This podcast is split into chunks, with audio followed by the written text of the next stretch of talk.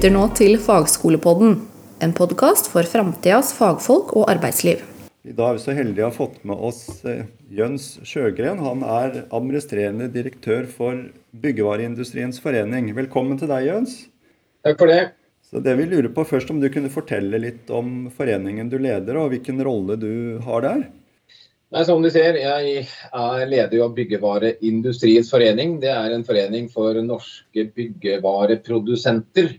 Og Eksempler på det er jo da type ja, Isola, Norgips, uh, Spenbecon, uh, Kebony, Mathei, Weber osv. Altså, så vi har, er en materialnøytral forening. Så vi har stål, betong og tre og, og, og alle mulige typer produkter. Og vi er sånn ca. 200 Eh, medlemsbedrifter og eh, som eh, har ca. 5000-6000 ansatte. Og en samla omsetning på rundt 25 milliarder. Og mange er viktige hjørnesteinsbedrifter rundt omkring i, i, i, Norge som produserer norske byggevarer. Og så er dere en del av byggevareindustrien samla sett, hvor det er flere også sånne foreninger som har andre spesialområder? Ja, vi er en del av Byggenæringens landsforening der, eh, så da er eh, den eh, Byggenæringens Landsforening er en sånn paraply over med 14-15 bransjeforeninger, hvor du også har entreprenørene, treindustrien som har sin egen forening, og du har altså byggmestere og malere og, og, og den takentreprenører også som har eh, sine, og boligprodusentene og Norsk Eiendom, som også er eh, type foreninger. Da. Og igjen så er vi da en del av NHO-systemet, næringslivets eh, hovedorganisasjon. Som er jo den overordnet leden på arbeidsgiveri eh, og dette med lønnsforhandlinger og sånne ting, som en del av det vi har valgt å kjøre, samkjøre på en del ting. da. Det har vært noen krevende år som også har fått konsekvenser for byggenæringen. Hvordan vurderer du nå-situasjonen for byggenæringen det nærmeste året? Nei, Det er jo noe som mange bruker jo liksom litt begrepet perfekt storm eh, nå om dagen for egentlig byggenæringen eh, samla sett. Og vi med byggevareprodusenthatten er jo nå ramma av håper jeg flere ting på samme tid. Vi har jo vært gjennom en krevende tid sammen med mange andre med, gjennom en pandemi. Der har vi med hjelp av godt smittevernarbeid eh, klart å holde produksjonen i gang og byggeplassene i gang. Og det har vært et, eh, var jo også ikke selvsagt eh, når, når pandemien traff oss for to og et halvt år siden. Eksempler fra andre land. Irland bl.a. De stengte jo byggenæringen ned. Altså De stengte alle byggeplasser. Og, eh, men i Norge har vi jo klart å holde ting i gang. Og det har medført at sånn sett ikke vært ramma så mye sånn sett av selve pandemien. Det har jo vært lokale smitteutbrudd, men det har jo vært et, et, et, eh, Og produsentene våre har jo lært seg som alle andre å, ha salg og, og, markedsføring og mye av det kontorgreiene har vært på, på, Teams og vært hjemme. Mens selvfølgelig produksjonen det er en fysisk produksjon. Da må du jo da ha folk på fabrikken. Og, eh, men de har håndtert dette bra med å ha lokale og ha sånne kohorter og sånne ting. Og, og transport og eh, inn og ut det har også vært at man ikke skal treffe minst mulig mennesker. Da. Så ser vi akkurat nå i etterkant av så har pandemien også medført utfordringer på råvaresituasjonen. Eh, og den har jo bare eskalert eh, nå. Både at eh, det har vært utfordringer på råvarepriser og ikke minst råvaretilgang.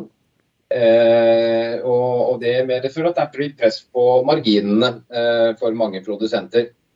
Og I tillegg så kommer jo nå effekter av eh, både energipriser og, og, og strøm og, og, gass og olje og hva det måtte være, som da også øker transportkostnadene.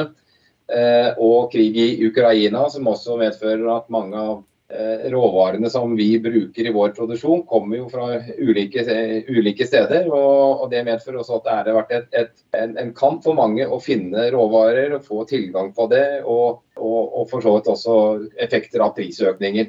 Så, så, det er på mange måter en, en, eh, en, eh, altså mye ting som skjer. og Samtidig har det vært en høy aktivitet i byggenæringen eh, som, som, har gjort at det har vært eh, bra tiltak. Nå er vi litt usikre på hva som skjer fremover. Når renta eh, i dag gikk med, med to, to, knepp i, i, dag. og hva det vil bety for fremtidige investeringer, både offentlig og privat. Men hvis man tenker da, hvilke trender og utviklingstrekk tror du vil prege byggenæringen på lengre sikt? Det er jo én megatrend som er liksom, eh, overordnet for, eh, for byggenæringen som, som sådan i årene som kommer. Det er jo dette med eh, den eh, sirkulær økonomi, klima eh, og, og, det grønne skiftet. Vi som byggenæring er jo for en av og bygge, Byggevareprodusenter er jo sånn sett på mange måter en av verstingene når det gjelder klimagassutslipp. Det med produksjon av byggevarer. Eh, men dermed så er vi også en av løsningene. Så, så dette med eh, klima og miljø er selvfølgelig det som alle er opptatt av. Hvordan skal vi møte EUs green deal, dette med sirkulær økonomi, mer ombruk eh, og i hvert fall materialgjenvinning som sådan. Og så har vi den andre megatrenden som, som sådan for å kunne løse dette her, er dette med digitalisering. Vi må bli enda mer digitale i hele verdikjeden i byggenæringen. Og eh, industrialisere prosesser i større grad og være med å standardisere og sørge for at uh, informasjonslogistikken altså, er, flyter bedre enn den gjør i dag. Veldig bra. Du har vært litt inn i det, men hvilke muligheter vil det gi for bedriftene? Norge og norsk industri og norsk byggevareindustri er jo konkurranseutsatt. Eh, vi le, mange lever jo for et internasjonalt marked. Mange bedrifter er jo også kjøpt opp av utenlandske aktører. Eh, og Som betyr da at da en del av de finansielle beslutningene som gjøres rundt omkring i styrebord rundt omkring i Europa, påvirker jo også norske arbeidsplasser og norske industribedrifter. Det betyr at Norge og norske byggevareprodusenter må tenke smart. Vi har tross alt hatt et høyt lønnsnivå. Eh, og dermed så må vi konkurrere på andre ting, sammenligna med kanskje eh, fabrikker i andre land som har lavere eh, kostnadsnivå, i hvert fall på lønn. Og Der vi står frem og vi har vist seg at vi er konkurransedyktige, har jo vært nettopp at vi har høy produktivitet. Vi har industrialisert i større grad enn mange av våre konkurrenter. Og vil si også redusert eh, altså hvor, hvor, effektivt klarer du å produsere eh, disse byggevarene. Hvordan kan vi eh, både industrialisere prosessene og, og, unngå manuelle operasjoner. Så der har vi et eh, konkurransefortrinn som gjør også at, eh, at Norge har vært et eh, interessant land å investere i. I tillegg så har vi jo hatt en fordel, i hvert fall historisk, av eh, billig norsk vannkraft. Som har vært et konkurransefortrinn eh, altså innenfor andre kraftkrevende industrier. Men når vi skal beregne klimagassberegninger, så er jo også dette vært dette har ren norsk vannkraft som basis for energi, eh, så har jo det vært et veldig miljøkonkurransefortrinn. Sammenligna med fabrikker i Europa som går på kull eller på gass eller andre typer fossile eh, brensler. Hvilke omstillinger er nødvendig for bransjen? Nei, Det er litt det samme her. Det, det som er, Hvis vi ser hele verdikjeden under ett, så er byggenæringen en veldig fragmentert bransje. Det er mange lukka siloer. altså Du har byggherrer, du har eh, arkitekter, rådgivende ingeniører, du har entreprenører, underentreprenører, eh, vareprodusenter, eh, varehandel, logistikk, transport osv. Og det er utfordringen i byggenæringen i dag har vært at vi har hatt et, en, en, moderat produktivitetsutvikling, i hvert fall hvis vi tar det på det utførende leddet. Det er for dårlig informasjons... Uh, altså mellom de ulike aktørene. Man låser altså, Det er mange siloer som eh, tviholder på sine, sin informasjon, og også for businessmodeller. Eh, som samfunn så må vi også jobbe med å prøve å, å effektivisere denne verdikjeden en, enda mer enn det vi har i dag. For å kanskje kunne bygge billigere og bedre eh, bygg. og og at, eh, og boliger for folk eh, flest, slik at de har råd til å kjøpe de byggene som, eh, og de boligene som vi skal bo i fremover. Hva vil det bety for kompetansebehov for de som ønsker å være med og bidra i utviklingen?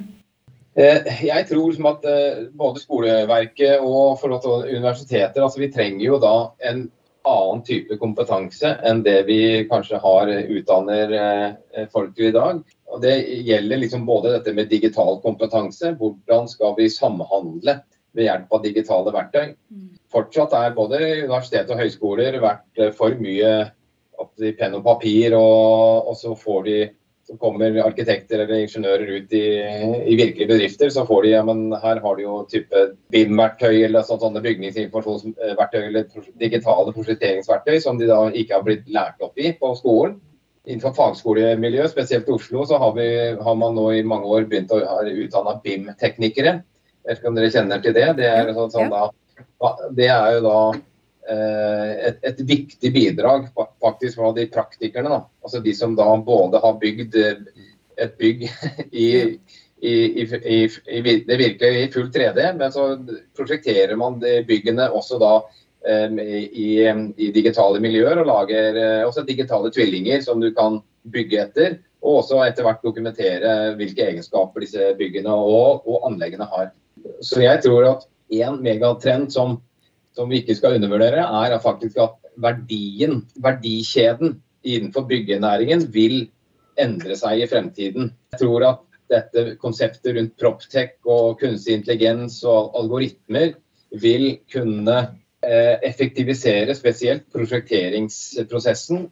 Alle folk som har eh, liksom businessmodell av å selge timer, vil kunne få en utfordring i, i årene som kommer. Altså, du må levere verdi. Og da jeg tror at mange eh, arkitekt, eller ikke, altså, spesielt kanskje prosjekteringsleddet, vil kunne bli disruptert på deler av det de holder på med i dag, med å samle data og punche ting inn i et regneark og gjøre en analyse.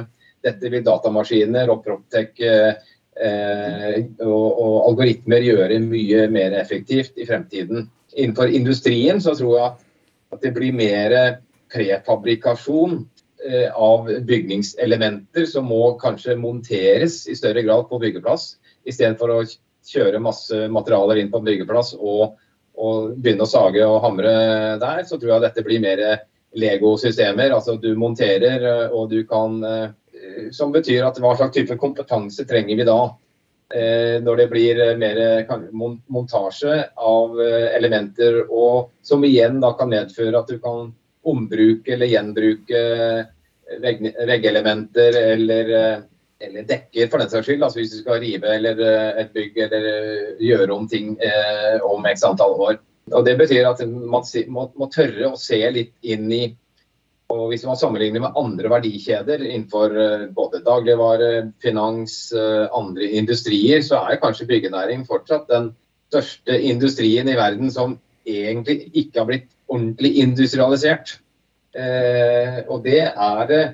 Og det er Grunnen til det er at vi er en gammel industri eh, som har stolte både fagtradisjoner og, man har bygd eh, siden tidenes morgen. Og, og, da er det vanskelig å kanskje disruptere den type industrier. Men for å få det til, eh, og for, for gjennom da ha redusere klimautslipp, kanskje ha redusere prisveksten og sånne ting, så må vi tenke, tenke nytt. Og så lurer vi på Har du noen tips til skolene som vil være med på denne reisen?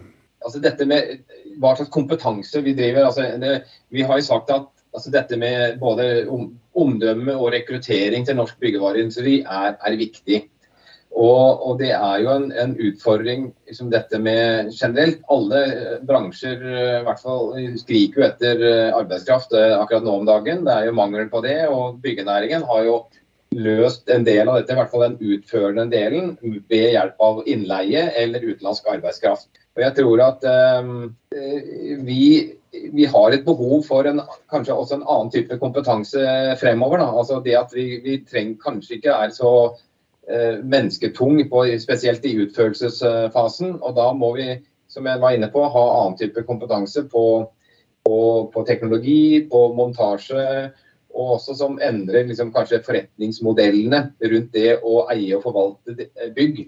Eh, og jeg tror at byggevareindustrien har en, en unik mulighet. altså sånn dette, For det er vi som kan produktene og driver innovasjon og utvikling og har en, helt klart den største industrialiserte prosessen i, i, i, i byggenæringen. Vi har effektivisert og, og vært konkurranseutsatt eh, lenge. Og, men skal vi klare å påvirke denne videre, da må vi fortsatt eh, Det skjer også en konsolidering i verdikjeden. altså Det er oppkjøp. altså at Spesielt handelsgruppen, som Mestergruppen på Optimera og andre, de kjøper jo opp selskaper i begge ender av, av, sin verdikjede. Og begynner også litt med eh, takstolproduksjon og eh, elementproduksjon og, og, sånne ting, for å sikre seg sin del. Og Det samme ser du på de rådgiverledde fra å ha masse sånne små rådgivere eh, som selskaper, så blir det flere og flere av de store som blir innenfor Nordkonsult, og, og Rambøll og en del av de greiene her. For entreprenørverden så er det fortsatt en håndfull store entreprenørbedrifter, men det er et mylder av små småbedrifter. Og, altså, 95 av eh, bedriftene innenfor byggenæringen er jo små og mellomstore, og er mest små. da. Og Det er kanskje den største utfordringen, hvor vi ser at hvordan skal den lokale maleren eller eh, byggmesteren forholde seg til dette eh, i fremover. For de har ikke den kompetansen internt. og Da, da må vi altså starte tidlig, allerede kanskje i grunnskolen. Til og med da fagskole eller på videregående nivå, så er det jo nesten for sent. altså, for da har vi jo, Hvordan kan vi motivere både på, på ungdomsskolenivå folk til å velge en, en håndverk eller fagutdanning, istedenfor å tro at uh, du må ha master og være en akademisk uh, karriere. Uh, så Det tror jeg er kanskje en, en, hovedutfordring. og Da er det jo liksom på hvem er, hvem er, hvem er målgruppen da, for å få unger til å velge mer praktiske utdanninger. Jo, Det er det selvfølgelig foreldrene da, som er rollemodellene. og Hvis foreldrene sier at nei, du får ikke lov til å bli murer eller maler, Eh, så nei, du, du, må gå på videre, altså, eh, allmennfag eller hva det heter nå. Så, så har vi liksom eh, Da har vi jo mista mange allerede helt fra starten. Har du noen gode råd til studentene som skal jobbe i bransjen? Jeg tror at altså, byggenæringen er etter mitt syn en, en kjempespennende bransje å jobbe i. og jeg tror at det vil være Vi er en, en nøkkel i det grønne skiftet og eh, løse egentlig at eh, kloden skal bli et bedre, bedre, sted å være. Det vil være enorme mange store oppgaver som vi trenger smarte hoder til å løse. Eh, hvordan kan vi redusere avfallet? Hvordan kan vi ombruke og kanskje drive enda mer materialgjenvinning av, av produkter? Så hvis du har lyst til å liksom, bidra og redde kloden, så er byggenæringen kanskje det stedet du kan bidra mest. Veldig bra. Eh, hvor, hvor, kan lytterne våre lære mer om det som skjer i byggenæringen? Altså vi har jo, et, et, et, fint nettsted som heter bygg.no. Det er jo liksom eh, det er menighetsbladet for, eh, for byggenæringen. Hvor i hvert fall du får opp, bli oppdatert på det meste av nyheter og, og ting og tang. Altså det er jo, men det er, en, det er en, i hvert fall et godt nettsted. Eh, og så er det jo egentlig gjennom det er jo skoleverket og, og, og fagutdanning og, og, så er det egentlig hvordan man i bedre samråd kan som, lage gode arenaer for å få litt informasjon. Det er jo også noen nettsteder sånn rundt uh, Vi bygger Norge, som er også et nettsted som er mer på, uh, på med fokus på rekruttering. Hvor du, du har liksom målgruppen er litt yngre, uh, og de som lurer på hva det skal bli. Vi må få anbefale hjemmesida di også, da, for der har vi lest om den digitale strategien. vet du. Og ja. den 2.0 av digital agenda, eller veikart, var det dette? Digitalt veikart. Ja, nei, så Der har vi lagd to versjoner av liksom, dette eh, digitalt veikart. 1.0 er mer en litt sånn akademisk tilnærming. Eh, liksom til Hvor du også lager litt scenarioer. Hva skjer hvis vi ikke gjør det? Eh, og veikart 2.0 er en oppdatering hvor vi også har prøvd å motivere altså bedriftsledere og andre til å kanskje tenke litt uh, nytt på dette. Samtidig som vi også ser at for å lykkes med en digital omstilling, så må vi samarbeide om det, det jeg kaller digitale felleskomponenter. Vi må, vi må, ha noen sånne både standarder og kanskje noen register og, og, og strukturer som, gjør, som, vi ikke skal konkurrere på. Uh, men det som det koker ned til uh, mye av dette her, er jo at at dette med endring av businessmodeller, eller forretningsmodellene, det gjøres ikke over natta. Hvis ikke eh, Det sies jo ofte liksom i byggenæringen at i, i, gode tider så har vi ikke tid til å drive innovasjon. Eh, I dårlige tider så har vi ikke råd. Og i eh, mange styrer som sitter og bestemmer, de, de har jo kommersielle mål. De må tjene penger og ha avkastning på eh, kapital og investeringer. Og så prøver de å gjøre de beste beslutningene som passer for seg. Eh, en utfordring med dette med distribusjon, da, som er mer enn en, en, eh, som du ser på plateindustrien. altså sånn at og Det snakker sikkert om ja, Kodak moment. altså på det, hvor, når denne gamle film, film, som lagde filmruller, eh, Kodak, som sa nei, vi vil ikke lage digitale kameraer, for det har vi ikke noe tro på. Vi skal selge filmruller. Og så, de, så ble jo de out of business, for det, da man løfta teknologien til et nytt nivå. Eh, det samme ser vi jo litt sånn i byggenæringen, eh, at mange tviholder på sine businessmodeller. Kanskje styrene og, da, og lederne eh, sier at Administrerende direktør sier at jeg har ikke fått noen krav fra mitt styre om å gjøre noen endringer. Hvis eh, altså jeg er fornøyd med min businessmodell og det at jeg tjener penger, så, og, og, så ser de at eh, hvis jeg endrer meg, så kan det bli out of business. Eller, eh, eh, eller at hvis jeg gjør en endring, så er ikke jeg som får gevinsten, men det er en eller annen senere i verdikjeden som får faktisk den gevinsten. Og hvorfor skal jeg da gjøre ting på en annen måte når jeg ikke får en direkte eh, gevinst på dette. Dette gjelder dette med prosjektering og dette med BIM-modeller og, og, sånne ting. Så dette det er kanskje den største sånn, motkraften da, mot uh, endring, er liksom dette med at uh, what's in it for me? Uh, og dermed så trenger man jo en del fyrtårn eller krevende kunder det offentlige står jo på omtrent 40% av investeringene i bygg- og anleggsbransjen. Så det er klart at det offentlige har jo en, en, en stor plikt og en rolle i å være en krevende kunde. Både på å, å kreve klima, altså gode klimaløsninger, dette med sporing av byggevarer, og, og, kanskje også bruke en del av de prosjektene de har på sykehus og skoler og veier og sånne ting, til å drive den innovasjonen for å prøve å oppnå de store målene som, som vi eh, har. Altså hvordan kan vi bygge mer effektivt, redusere byggekostnader og redusere klimagassutslipp. Du har nå hørt Fagskolepodden, produsert av Fagskolen Vestfold og Telemark.